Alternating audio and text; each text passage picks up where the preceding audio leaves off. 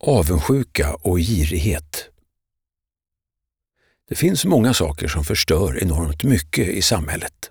I detta kapitel tänkte vi stanna till inför två av dem, avundsjuka och girighet. Avundsjuka är vi bra på i Sverige och det är, som vi ser det, starkt kopplat till jantelagen och den, enligt oss, totalt missförstådda socialismen. Som grädde på moset är Sverige världens mest individualistiska land. Går det bra för dig kommer du att bli ogillad för det och det finns många som kommer att titta snett på dig. Inte av någon faktisk eller reell anledning, utan enbart för att det går just bra. Detta tror vi att en del känner igen sig i. Det finns dock alternativ till att vara avundsjuk. När du ser att det går fantastiskt bra för en medmänniska kan du lära dig att verkligen glädjas åt dennes framgångar. Det faktum att någon annan har lyckats så bra visar faktiskt att det också är möjligt för dig. Du kanske rent av kan fråga hur personen i fråga skapade framgången och vilka tips hen kan ge för att också du ska kunna lyckas med något som du vill satsa på. Vad skulle ett sådant tips vara värt, tycker du? Tala om för människor i din omgivning att du inspireras och blir imponerad av dem när de försöker skapa något och när de lyckas. Om du är en avundsjuk människa som aldrig någonsin ens försökt att skapa något i ditt liv ska du verkligen inte yttra dig om andra människors försök. Det bästa du kan göra är troligen att inte uttala dig överhuvudtaget. För väljer du att uttala dig så finns det en risk att människor lyssnar på dig. Och det är inte dig de ska ta råd ifrån eftersom du inte har den erfarenhet som krävs för att ge de råd som leder till framgång i vad det nu må vara. En egenskap som gränsar till avundsjuka är girighet. Det finns få saker som förgiftar människor som detta. Om girighet får härja fritt så förgiftar den allt, vilket den i vissa fall är på god väg att göra. Människan verkar oförmögen att förvalta relationer och andra liv när en chans till pengar kommer in i bilden. Sunt förnuft och perspektiv kastas över bord. Hur många band har splittrats på grund av detta? Hur många familjer har splittrats på grund av att man inte kommer överens om ekonomin i samband med arvsfördelning?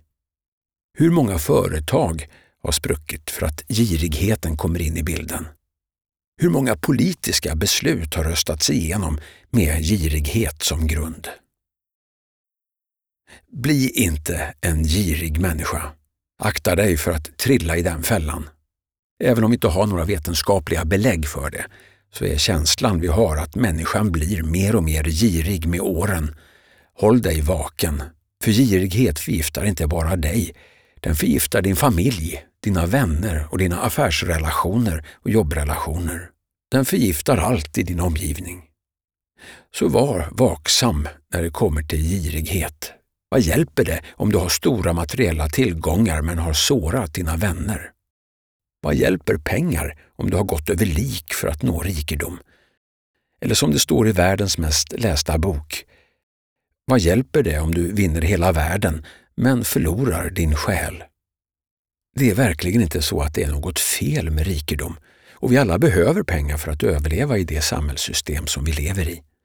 Men när kärleken till pengar kommer före kärleken till människor vinner girigheten och den vägen leder mot katastrof och misär som redan idag går att uppleva på många ställen på jorden. Motsatsen till girig är generös. Var det istället. Dela med dig av det du har till andra och låt inte pengar eller tjafs om pengar komma i vägen för goda relationer. På den motsatta sidan av avundsjuka, tillsammans med ordet generös, finns ord som tillfreds och belåten.